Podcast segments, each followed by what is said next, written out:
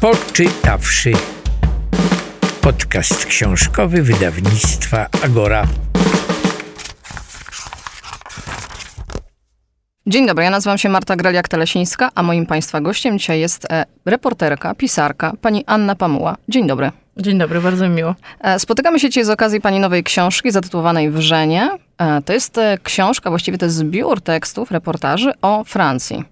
Tyle, że nie mówimy o Francji, takiej, którą znamy z folderów reklamowych albo turystycznych, a na pewno nie z widokówek, z widokiem wieża Eiffla w tle, ani nawet tej codziennej, w której moglibyśmy powiedzieć, że mamy pewne skojarzenia, wszyscy jakieś z Francją, bardzo miłe najczęściej. Ale mówimy o Francji i jej problemach, problemach bardzo istotnych. I ja przyznaję, że e, czytając pani tekst, no ja czułam wielki strach. W związku z czym wymyśliłam sobie, a właściwie mój gadzi mózg sobie wymyślił, ten odpowiedzialny za bardzo pierwotne instynkty, że jak się dzisiaj spotkamy, to w mojej głowie uknął się taki plan, że ja panią przekonam, że pani mnie przekona, że właściwie problemy opisane w tej książce to jest jakiś margines. Że to są e, bohaterowie, których pani szukała lata, lata. I to nie jest codzienność, to nie są problemy, którymi żyje Francja. Czy pani może uspokoić mój gadzi mózg? To na pewno nie są problemy, z którymi ja żyję na przykład codziennie. Bo to są rzeczywiście bohaterowie, których, e, wszyscy bohaterowie w zasadzie, wszystkich wyszukiwałam latami. E, I to nie jest coś, ja ze strachem nie żyję na co dzień. Na pewno.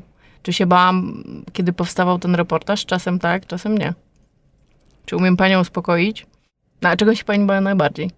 Bo dla mnie ta książka to jest książka o radykalizmach. I to wielu radykalizmach. Religijnych, politycznych, ideologicznych, etnicznych. I teraz właściwie to, co mi się nasunęło po przeczytaniu tego tekstu, to zastanawiałam się, czy wobec tego, że Francja chciała być niereligijna, laicka, to przypadkiem, czy nie mówimy o tej odwrotności, to znaczy, czy mówimy o zasadzie wolności, w której Francja mówi sobie, jesteśmy tak wolni, że zezwalamy wszystkim na każdą religię i każdy uważa i robi to, co chce, czy wręcz przeciwnie, przez to, że mówi, nie uznajemy żadnej religii i to jest nasza wolność. I problemy przez panią opisane, czy to jest tego efekt? To jest bardzo dobre pytanie i nad, nad którym, w zasadzie na które nie mam odpowiedzi do tej pory. I myślałam nawet o tym teraz, jak dwa tygodnie temu rozpoczęły się procesy e, zamachowców Charlie Hebdo, którzy mhm. zamordowali kilka osób w redakcji e, w 2015 roku. I Charlie Hebdo po raz kolejny, no po raz drugi, opublikowali e, karykatury proroka. Mhm. I było napisane na okładce tout ça pour ça. Znaczy wszystko, to wszystko za to. Mhm. No i oczywiście zaczęłam się zastanawiać nad tym. Czy nie jest tak, że właśnie Francja podzielona jest na pół? E, to znaczy, że są osoby właśnie, które są bardzo religijne i ta religijność się wzmaga, w związku z tym ta druga strona jeszcze bardziej się radykalizuje, mówiąc jesteśmy laicy, jesteśmy laicy. Nie wiem, nie mam odpowiedzi na to pytanie. Na pewno widzę różnicę ogromną na przykład między Francją i Anglią, tak? To znaczy ten anglosaskie mhm. podejście do, do mniejszości, do etniczności jest zupełnie inne. Rzeczywiście we Francji, no chociażby to, że nie można nosić chust w urzędach, nie można nosić chust w szkołach, że nie ma sądów rabinicznych, nie ma sądów koranicznych, to jest ogromna różnica. Czy to jest lepiej? Na początku byłam tym bardzo zaskoczona, bo we Francji w ogóle pytanie, kim się jest, no jest się Francuzem.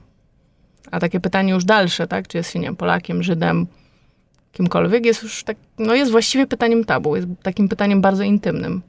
A nawet część pani bohaterów, która była imigrantami, właściwie ich e, albo rodzice, albo pradziadkowie byli imigrantami. Oni też się czuły Francuzami, prawda? Bo jednoznacznie to wyrażają. Jednoznacznie mówią o tym, ale przecież my jesteśmy Francuzami, myślimy jak Francuzi. Czy na tym, e, na, na tym polu gdzieś pani widziała wśród tych bohaterów, że ta radykalizacja z uwagi na albo pochodzenie, albo korzenie w ogóle ma znaczenie?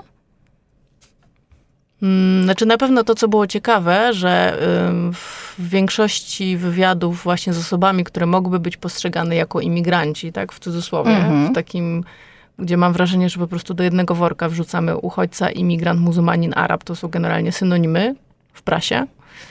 Mm, no to właściwie w takich wywiadach ja, no to ja byłam imigrantką. No bo ja mieszkam w, we Francji od 8 lat. I zawsze się tak sytuowałam, zresztą to mi otwierało bardzo dużo drzwi bo ja się sytuowałam, znaczy jestem po prostu, jestem imigrantką we Francji. Oni się tam urodzili. Więc y, to jakby dzięki nim poznawałam Francję. To jest ich Francja.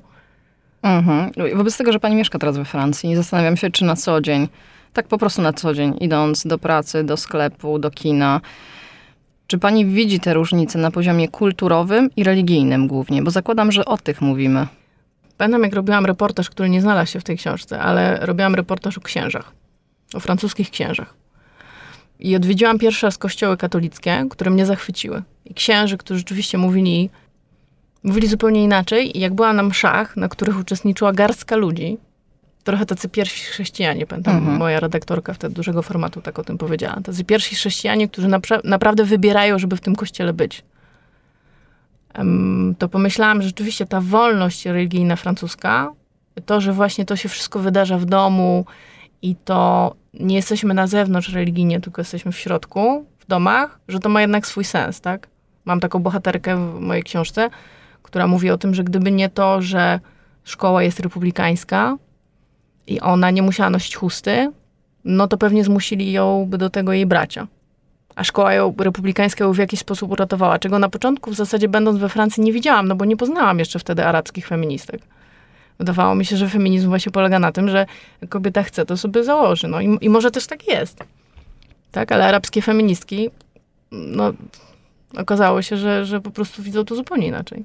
No tak, ale to, to są właśnie, wolność. Tak, to są też te różnice kulturowe, No bo też prawda. pisze pani o obrzezaniu na przykład. To, co mi się tam bardzo podobało, to to, że w końcu są karani e, pierwsi rodzice, którzy Tak. pozwalają na to, żeby e, ich córki były okaleczane. To jest e, dla mnie personalnie bardzo duża zmiana i to była bardzo ważna informacja dla mnie. Ale to jest właśnie, to też wynika z poziomu kultury e, danego narodu, społeczności albo zbiorowości, bo ta zbiorowość No. niekoniecznie musi być na, na, w tym samym No kraju. jest historii też Francji, tak? To znaczy ta, ym, to jest historia FGM, tak? Czyli wyrzezania, obrzezania dziewczynek. E, I rzeczywiście w latach 80. y, francuska adwokatka y, biała, ale pochodząca z Polinezji, urodziła się w Polinezji, bo to też jest zawsze ważne, żeby zobaczyć, naprawdę Francuzi są z bardzo różnych miejsc. I ona właściwie zauważyła, zwróciła na to uwagę, że, że jest dużo dziewczynek, które pojawiają się w przychodniach i są wyrzezane. I pomyślała sobie, jak to, halo? Czyli gdyby chłopiec biały przyszedł do szkoły z obciętym palcem, to bym powiedziała, że co, że to jest różnica kulturowa?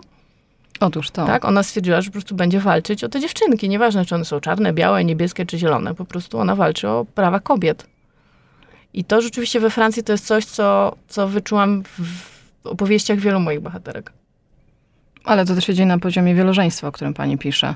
Tak. że działa to tylko w jedną stronę w tej chwili. To znaczy, można mieć wiele żon, ale wielu mężów już niekoniecznie. E, A szkoda, czy, prawda? Nie wiem, czy ja bym chciała mieć wielu mężów. E, Ale patrząc jakby e, z punktu widzenia równości i uprawnień, prawda? No No, jasne, oczywiście. jeżeli działa to w jedną stronę, to powinno działać też w drugą stronę. No tak, tylko tutaj znowu poznałam Afrykanki, które walczą z poligamią. Mhm. Ale mówią też, Afrykanka, która walczy z poligamią, mówi do mnie, słuchaj, no jest wiele takich, które są szczęśliwe, tak? W takim akurat ona nie, no jest w trzeciej mąż, wszyscy byli Bretończykami. Tak, no ale to właśnie wchodzimy też e, w pewnego rodzaju takiego stereotypy, bo to nie wynika tylko z poziomu e, kultury danego Tak. narodu, ale też pewnego stereotypu. I zresztą myślę, e, chciałabym się mylić, że niestety w nas wszystkich czasem urasta albo jakiś taki strach wynikający ze stereotypów, w którym my zostaliśmy wychowani, bo na przykład skojarzenie takie naj, najbrzydsze, które przychodzi mi w tej chwili do głowy, to że no jak Arab to terrorysta, prawda? To jest takie jednoznaczne skojarzenie, które mamy, które właśnie, i teraz pytanie, czy ono wynika z jakichś naszych lęków, z naszego wychowania, czy z naszej kultury, bo pani miała okazję obcować z bardzo różnymi kulturami. No ja żyjąc tutaj w Warszawie, w Polsce, aż takiego zasięgu nie mam. Jak z pani punktu widzenia to wygląda? Ja myślę, że, że wszystko się zmienia, kiedy ci ludzie stają się naszymi sąsiadami, e, rodzicami naszych kolegów, znaczy kolegów naszych dzieci w szkole, Mhm. bo oni po prostu nabierają wtedy, wiemy jaki mają kolor włosów, co jedzą, okazuje się, że oglądają te same seriale, że tak samo im się czasem nudzi w sobotę, albo że tak samo im się nie chce iść do meczetu, jak Mhm. tam niektórym się nie chce iść na msze i tak samo stoją i podpierają, tak? To jest to samo, znaczy stają się ludźmi. I to jest to, co ja zauważyłam, bo ja też wylądowałam we Francji, no jestem z rodziny tolerancyjnej na pewno, natomiast nie mam doświadczenia wielokulturowości mieszkając w Polsce, więc ja wylądowałam we Francji, byłam tym oszołomiona, tak? No bo ludzie są naprawdę zewsząd. To nie tylko jest kwestia właśnie czy Algierii, czy Maroka, ale e, właśnie Polinezji, chociaż Polinezja jest oczywiście francuska, ale no, z daleka może tak Mhm. czy nawet z bliska, no bo to są czy Anglicy, czy Amerykanie, czy Brazylijczycy. No, na moim podwórku jest, jesteśmy z, chyba z 10 różnych krajów. Mhm. I wtedy ten stereotyp się zamyka w głowie? Jak to działa? Jak działa Z mechanizm? czasem, dla mnie przynajmniej tak, natomiast wydaje mi się, że tutaj receptą jest to, że po prostu trzeba zadawać pytania. Mhm. Trzeba być po prostu ciekawym świata. pytania, trzeba być po prostu ciekawym. To nie, to nie jest nawet ciekawość świata, bo znam ludzi, którzy są bardzo ciekawi świata, jeżdżą wszędzie, a właściwie nic się nie dowiadują o drugim człowieku i wracają z takimi sam- samymi stereotypami. Mhm. No Bo... to i, to jest właśnie ten moment, w którym ja, ja muszę zadać to pytanie jednego z pani bohaterów, bo jest e, jedna z konkretna postać, która towarzyszy nam przez cały pani tekst. Bez względu na to, czego dotyczy mm, dana opowieść, to on jest tym, który opowiada nam o swojej przeszłości, ale jednocześnie jest tym, który komentuje rzeczywistość, którą pani opisuje. I pojawia się w pani książce taki fragment, w którym właściwie pani zadaje sobie pytanie i pani czuje lęk związany z tym, że być może on jest terrorystą. E, I w związku z tym ja, czytając ten fragment, mi się narzuciło kilka rzeczy. E, Przede wszystkim chciałam zapytać o pani strach, jak on się wtedy uaktywnił, bo to już była osoba, którą pani znała, prawda? Mhm. To, to nie była nowo poznana osoba. E, Jeśli dobrze pamiętam z tekstu, pani już go znała dwa się Już lata. dwa lata, tak. Więc e, już ten próg tej znajomości, tego, tego poznania był już za panią. A jednak ten strach powstał. Mhm. E, wi- Więc po pierwsze chciałam zapytać o mechanizm tego strachu, który się uaktywnia. E, Drugi właśnie, czy to aby nie wynika z naszych wdruków, tych kulturowych, że jednak sobie łączymy kropki, bo pani wiedziała, że on wyjechał w konkretne miejsce, w tym konkretnym miejscu. Był atak terrorystyczny i po prostu w wyniku pewnej logiki, połączenia faktów, no gdzieś do tego doszło, mimo tego, że no, w rzeczywistości, jak pewnie pani tutaj dopowie, tak nie było. Ale ale ten charakterystyczny bohater spowodował u pani pewną refleksję. I o tą refleksję chciałam zapytać. Ibrahim w ogóle jest postacią no, wyjątkową na pewno i jak go poznałam, to pewnie że jeszcze nie wiedziałam, co on przede mną odkryje. Mm, To, że on rzeczywiście jest radykalnym muzułmaninem, chociaż znowu, i to jest właśnie kolejny stereotyp, co to w ogóle znaczy radykalny muzułmanin? No, jest radykalnym muzułmaninem, który w ramadan zapomina, że się robi ramadan, a jak nie y, odbębni trzech modlitw, to tam gdzieś wieczorem, tak, no, no jest, na, Mhm. na tym trochę ten radykalizm polega. Więc też moim zdaniem, jak definiujemy coś, to trzeba się rzeczywiście zastanowić, czy to można w ogóle przykleić do jakiegoś konkretnego człowieka. Ma taką zdolność jasnowidzenia, czego nie wiedziałam na początku. że Czuje ludzi, naprawdę. Ma mamę, szamankę. W ogóle wokół niego tak mało o nim wiedziałam, tak naprawdę, bo to był taki bohater, który y, wydawało mi się, że bardzo dużo mi o sobie opowiada, a później trochę jak, tak, jak cytrynę wyciskałam Mhm. i nie było, bardzo mało z niego miałam, bo on w sumie mi o sobie opowiadał bardzo mało, bo opowiadał bardzo mało o swojej rodzinie, opowiadał bardzo mało o swoich siostrach, o swojej przyszłości. Wszystko musiałam od niego wyciągać, a to też jest kwestia taka, że ja jestem kobietą, on jest mężczyzną, po prostu cały czas chciał pokazać mi, że jest, że świetnie sobie radzi, że nie ma żadnych problemów, tak, no bo to też jest to. Mi jako mm, mm, reporterce kobiecie trudniej się rozmawia z mężczyznami, znaczy przebicie się rzeczywiście do ich takiej wrażliwości, e, do tego, żeby opowiedzieli, czego się boją, e, co przeżyli, co było trudne, albo z czym jest trudno. Mężczyznom bardzo ciężko o tym opowiadać. I zajęło mi właściwie no, 4 lata. Po czterech latach on dopiero opowiedział mi o naprawdę takich najtrudniejszych swoich wspomnieniach. Ale było tak, że i myślę, że to też z tego wynika, że się przestraszyłam.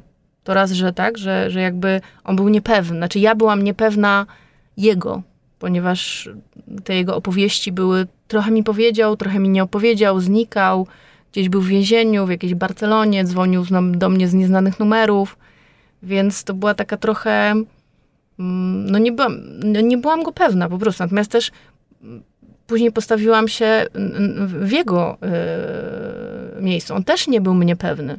A to nawet wynika z tego tekstu, bo On, jest taki moment... on naprawdę mi nie ufał. Tak, tak. bo ja pisałam coś na jego temat, znaczy po polsku, nie potrafi tego przeczytać. A poza tym on miał na mój temat też masę stereotypów, które musiał sobie, tak, bo, bo jestem tak, Polką, nigdy nie poznał żadnej Polki.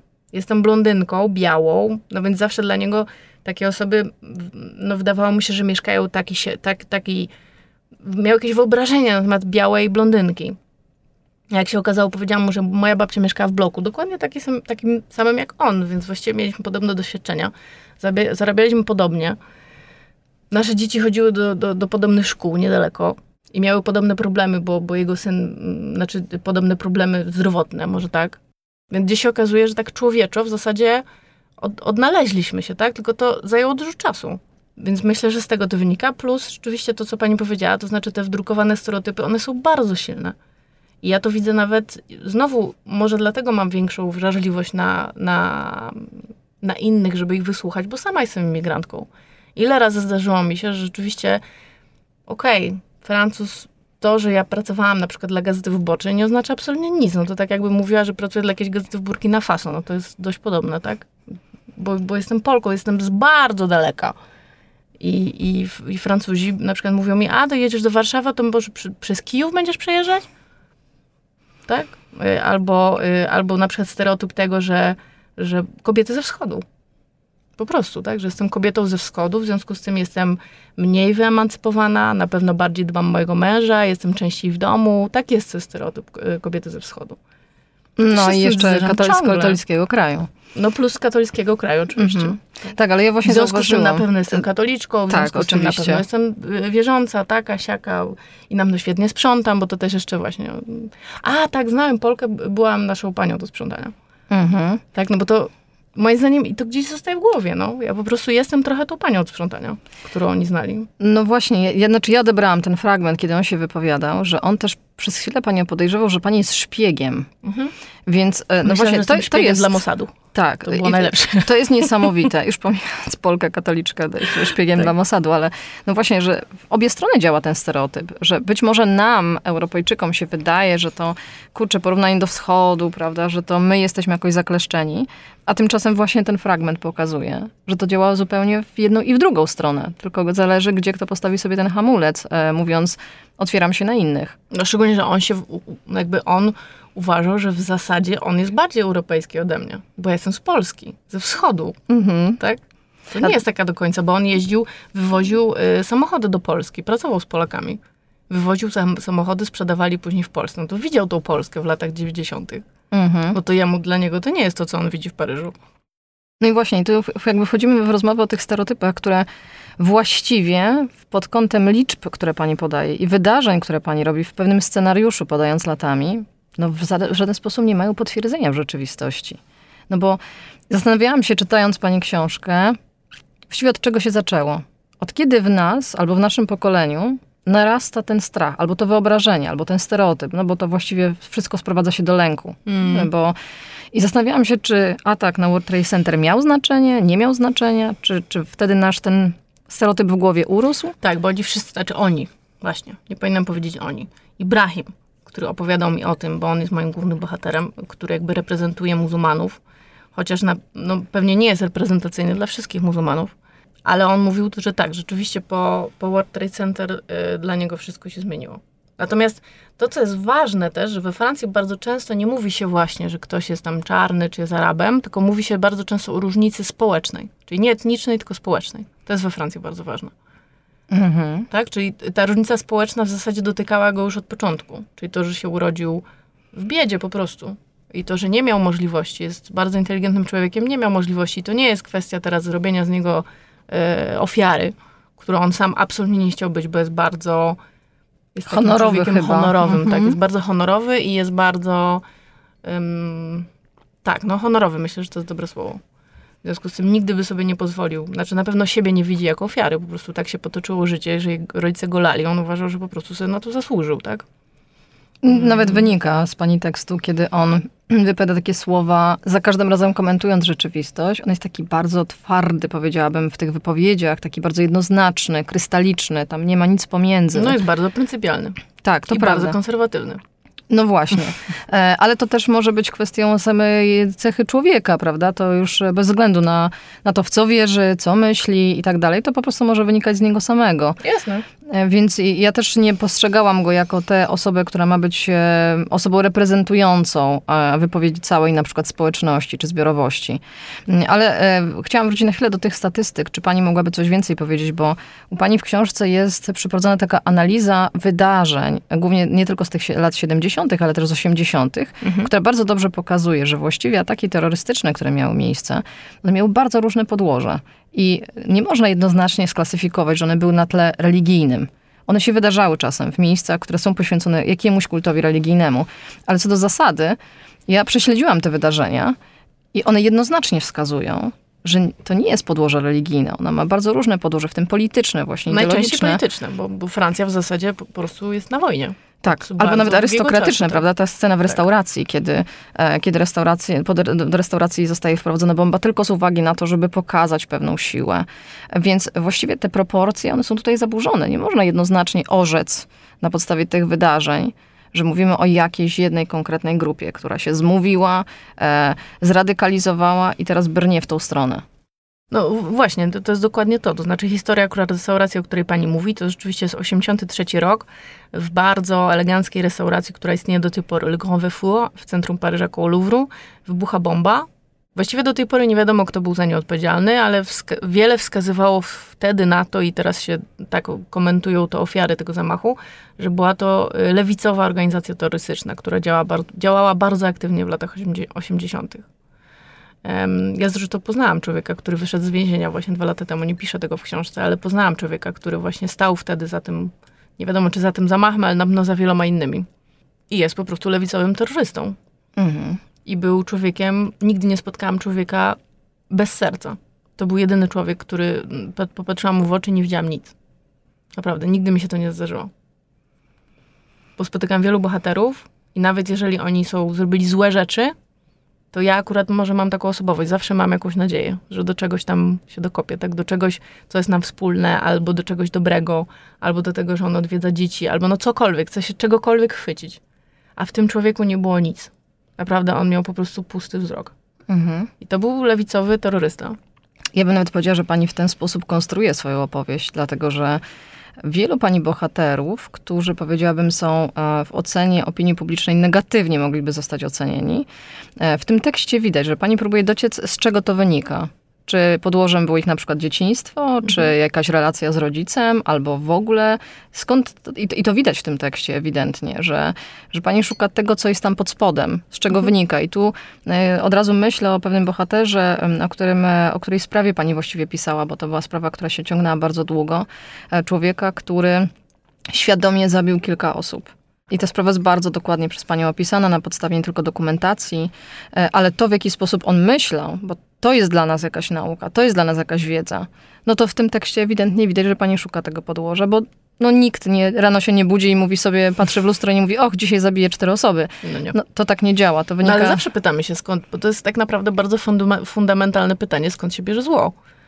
Czy ono się po prostu, czy to się ludzie tak rodzą, czy się ludzie tak stają? Dlaczego są tak popularne, nie wiem, thrillery albo seriale na temat y, seryjnych morderców? No bo po prostu jest, jesteśmy tym zafascynowani, skąd się bierze zło. Więc ja sobie też oczywiście zadawałam takie pytania. E, A to, żeby się właśnie, to jest akurat historia Mohameda Mera, czyli terrorysty, który zamordował siedem osób, w tym troje dzieci mm, w żydowskiej szkole. Ale nie zamordował tylko Żydów, zamordował też innych muzułmanów.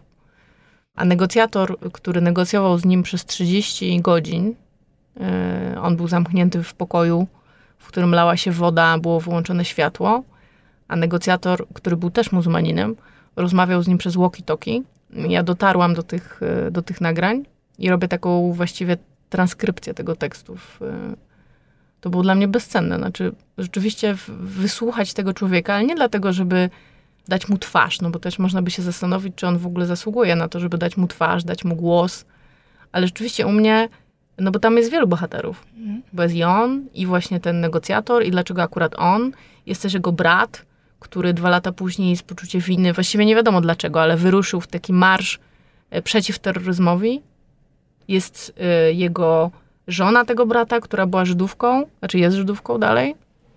Wszystko się kończy procesem jego brata, który w zasadzie wiadomo, czy jest terrorystą, czy nie jest. E, Więc to są takie e, po prostu porachunki rodzinne. Czy ja tam po prostu zobaczyłam coś, e, co w zasadzie może się wydarzyć w wielu rodzinach. Ile było takich historii, że w jednej rodzinie był, jeden był w Wehrmachcie, a drugi był po drugiej stronie, tak? Ja usłyszałam ostatnią historię taką y, o kobiecie, która straciła dwie córki. Jedna była stewardesą i zginęła w zamachu terrorystycznym, a druga była terrorystką, siostra. No właśnie, i teraz dochodzimy do, do klucza To właściwie. jest to historia Kaina Jabla, że tak Mhm. powiem. No, tak, historie rodzinne mm, towarzyszą nam cały czas. Tylko właśnie to jest to, że dlaczego, dlaczego ja tak szukam, to też szukanie pozwala mi w, w- w siebie mm, zaglądnąć, bo to o to chodzi. Żeby się spotkać z bohaterem i żeby zobaczyć się na równi. To znaczy, tak? Zobaczyć się trochę w lustrze.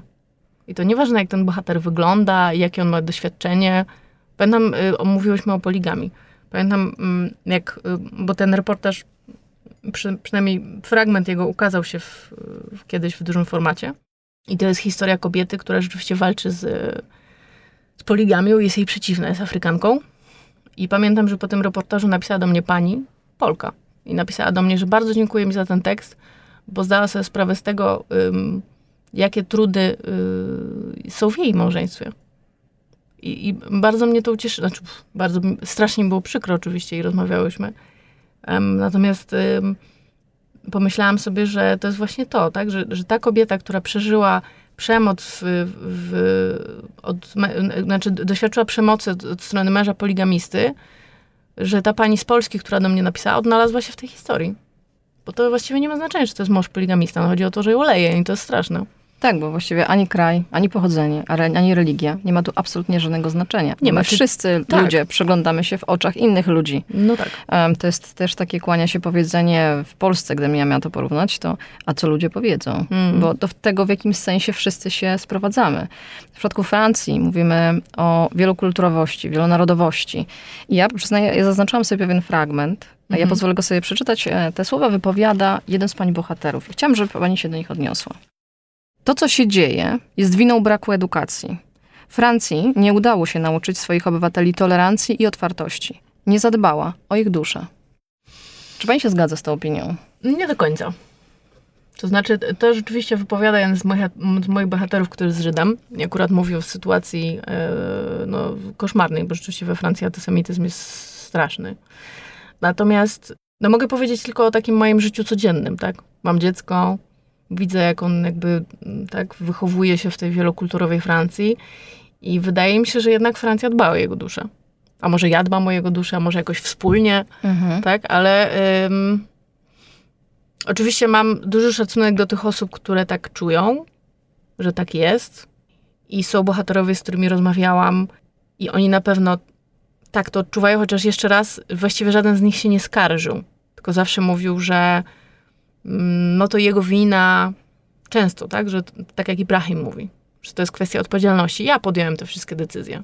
To nie mhm. jest kwestia Francji, nie Francji, szkoły, nie szkoły. To ja podjąłem te decyzje. Czyli właściwie sprowadzamy się do tego, że właściwie każdy człowiek podejmując indywidualną decyzję, sam siebie wstawia w kontekście odpowiedzialności za swoją własną edukację. Tak, a z drugiej strony oczywiście można by przywołać inną bohaterkę, to znaczy Fatihę, która opowiada o ona uczy w y, szkole, o której sama mówi, muzułmańskie getto, bo rzeczywiście 90% dzieci, które chodzi do tej szkoły, to są dzieci z... Naj, najważniejsze to są po prostu biedne rodziny muzułmańskie. I ona mówi o tym, jak bardzo po prostu one nie mają szansy. Znaczy to, tak, że, że one nie mogą pracować, ale to jest kwestia właśnie, we Francji się mówi, że to jest kwestia nie etniczna, tylko społeczna. Mhm. Oni są po prostu na marginesie społecznym. Ja pozwolę sobie tym akcentem skończyć naszą rozmowę, mając nadzieję, E, jednocześnie optymizm, że nie tylko kwestie edukacji, ale też tego, co pani próbuje pokazać w tym tekście, będzie lustrem, o którym rozmawiałyśmy, w którym mogą się przejrzeć nasi, a właściwie pani, czytelnicy. Bardzo, bardzo e, dziękuję za nasze spotkanie. Moim Państwa gościem była pani Anna Pamuła. Dziękuję bardzo, miło. A Państwa zapraszam do wysłuchania fragmentu przeczytanego przez e, pana Macieja Kowalika, fragmentu książki Wrzenie.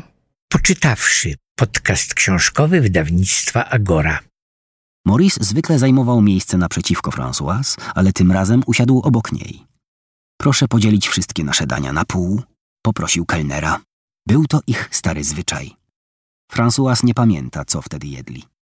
Raczej nie zamówili specjalności Olivera, homara ani kogucich grzebieni. Może kotlety jagnięce albo gołębie nadziewane foie gras. Byli na pewno lekko pijani. O 22.15 szef sali uchylił czerwoną kotarę dzielącą restaurację od ogrodów i pożegnał gości, którzy siedzieli przy stoliku obok Morisa i Françoise. Dla nich było jeszcze za wcześnie, by wracać do domu. O 22.40 podano desery, tartę z jabłkami i miodem oraz czekoladowy suflet. Tego Françoise też nie zapamięta. Wybuch. Trzy lub cztery minuty przed zamachem szatniarka poczuła dziwny zapach – Zdawało jej się, że dochodzi z ulicy. Sommelier wyszedł na zewnątrz, by sprawdzić wentylację. Młodszy kelner był pewien, że to zwarcie i spalił się ekspres do kawy. Szef sali Dubourgnon zszedł do kuchni w piwnicach. Poczuł jakby ulatniający się gaz, ale kucharz zapewnił go, że wszystkie palniki są wyłączone, piekarniki też. I w tym momencie wybuchło. François pamięta czarną mgłę, która nagle wypełniła pomieszczenie jak rój much albo burzowa chmura. Spojrzała na siebie i Morisa w lustrze, odbicia zadrżały, rozmyły się w blasku świec. Poczuła jakby falę powietrza z lewej strony, która uniosła ją do góry. Przez kilka sekund panowała cisza. Pauza, stop. Dusze zastygły w ciałach. Umysł człowieka rejestruje wtedy jeden obraz lub dźwięk, który pozostaje z nim do końca życia. Kucharz, zamykanie kurków od gazu, salowy, upadające kieliszki na stole deserowym, kelner, trzask rozbijającego się lustra, którego odłamki spadały na dywan z siłą gradobicia. Szatniarka zamknęła oczy i odczuła miażdżący ból w plecach i tyle głowy. Wahadło zegara zatrzymało się o 22.41. François skrzyknęła moje nogi. Nie dała rady się podnieść. Zobaczyła stojącego nad nią męża, jego marynarka była poszarpana, był ranny. Pochylił się nad nią i zadał pytanie, o którym potem wiele myślała. Czy dasz sobie radę? Chciał dodać jej otuchy, oczekując zapewnienia, że go nie opuści. Obezwładniające poczucie winy zostało zasiane. Dasz radę? Powtórzył. François poczuła jego niepokój i strach. Tak, obiecuję. Wyszeptała i straciła przytomność. Często wyobrażała sobie potem Morisa, który ucieka. Zaraz po wybuchu kieruje się w stronę drzwi, robi trzy kroki, jak zwykle upewnia się, czy ona idzie za nim. Zawsze chodził szybciej, a ona go nie wyprzedzała, bo lubiła, gdy dowodził. Dawało jej to poczucie bezpieczeństwa. Przez dwanaście lat zawsze była tuż za nim. Teraz leżała na ziemi przygnieciona przez dwu i pół metrowe metalowe drzwi. Strażak, który reanimował Françoise, zwrócił szczególną uwagę na Morisa. Stał przy żonie, wyprostowany jak struna. Nie odzywał się. Przypomniał mu kobietę, która kilka lat wcześniej została poparzona kwasem w paryskim metrze. Siedziała na peronie nieruchomo, niezdolna, by wyrazić cierpienie. Miała pusty wzrok. Zupełnie jakby świadomość pod wpływem szoku, próbując się ratować, zapadła w drzemkę. Reportaż. W pasażu Bożole leży gruba warstwa tynku, drewna i szkła. To wszystko, co wyleciało w powietrze pod wpływem wybuchu, a następnie zostało zebrane przez strażaków w jednym miejscu. Wnętrze lokalu rozprute, jakby ktoś je rozciął i wyjął bebechy. Kawałki porcelany, szkła i metalu, krzesła bez nóg. Na zdobionym dywanie typu savonnerie, niegdyś tkanym tylko dla królów Francji, leżą odłamki lustra. Gdzieniegdzie połyskują kryształy żyrandoli. Zbliżenie kamery na pokryty białym obrusem stół. Stół z deserami, obraz martwej natury. Pośrodku wywrócona porcelanowa waza, z której wysypały się różowe i pomarańczowe makaroniki. Obok niedopita lampka czerwonego wina, bukiet połamanych żółtych storczyków, stłuczona filiżanka pływa w półmisku malinowego sosu. Kamera francuskiej telewizji pokazuje bogato dekorowane ściany. Zbliżenie na wciąż zapalone złote lampy. Białe serwetki leżą zmięte na czerwonych kanapach z aksamitu. Obok stos wypożyczanych gościom czarnych krawatów i sterta obrusów, niektóre z nich są pobrudzone krwią. Wśród nich policja znajdzie poszarpaną marynarkę i spódnicę Françoise. Ktoś zrobi notatkę Garsonka marki Samonta, 60 Rue de Rennes, Saint-Germain. Znajdą też dwa buty na obcasie, jeden w pobliżu jej siedzenia, drugi pod stołem, na drugim końcu sali. Narożnik, na którym siedziała Françoise, jest częściowo zniszczony. Czerwone poduszki spadły na podłogę. Pod stołem na kwiatowych motywach wełnianego dywanu rozlała się czarna plama krwi. Dziennikarz. Dziesięć osób zostało rannych, w tym jedna kobieta ciężko ranna w nogę. Słychać dźwięk chrzęszczącego szkła, po którym chodzi reporter. Mogło być jeszcze gorzej. Na szczęście był to koniec serwisu, w sali zostało dwanaście osób. Stefan Oliver, żona właściciela restauracji, nie patrzy w kamerę. Tarmosi atłasową chusteczkę, otula się ściślej czarnym futrem. Nie rozumiem tego, co się stało.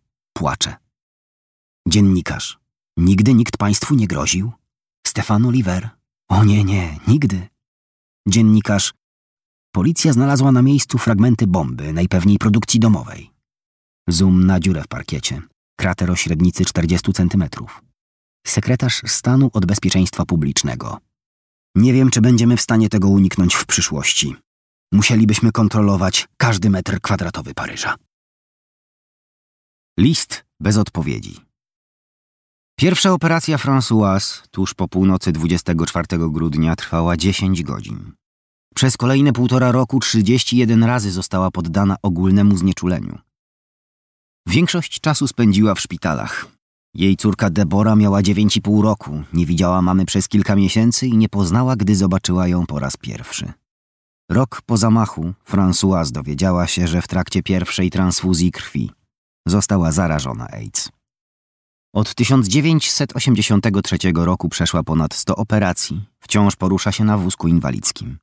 Nie zgodziła się na amputację, miała więc kilka przeszczepów w obu nogach, które zostały zmiażdżone przez ciężkie drzwi, spod których wyciągnął ją Maurice.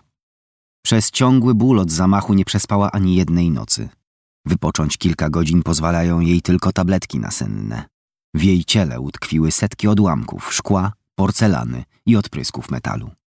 Co jakiś czas któryś z nich się porusza i powoduje zaczerwienienie skóry, a następnie infekcję. Czasem same wydostają się spod skóry, w innym wypadku potrzebne jest nacięcie. Większość z nich pozostanie w niej na zawsze. Trofea zamachowców. Morisowi pękły bębenki. Całe życie cierpiał na szumy uszne. Słyszał piski, dzwonienie, dudnienie, gwizdy, szelesty, które nie pozwalały mu normalnie funkcjonować. Nie mógł spać. Miał zawroty głowy i depresję. Jeśli przeżyło się zamach terrorystyczny, obrażenia są nie tylko fizyczne. Większość jest psychicznych, egzystencjalnych. To rany, które najtrudniej leczyć. W ich wyniku zmieniają się relacje z bliskimi, z rodziną i z przyjaciółmi. Rozstania i rozwody nie są rzadkością. Poczytawszy. Podcast książkowy wydawnictwa Agora.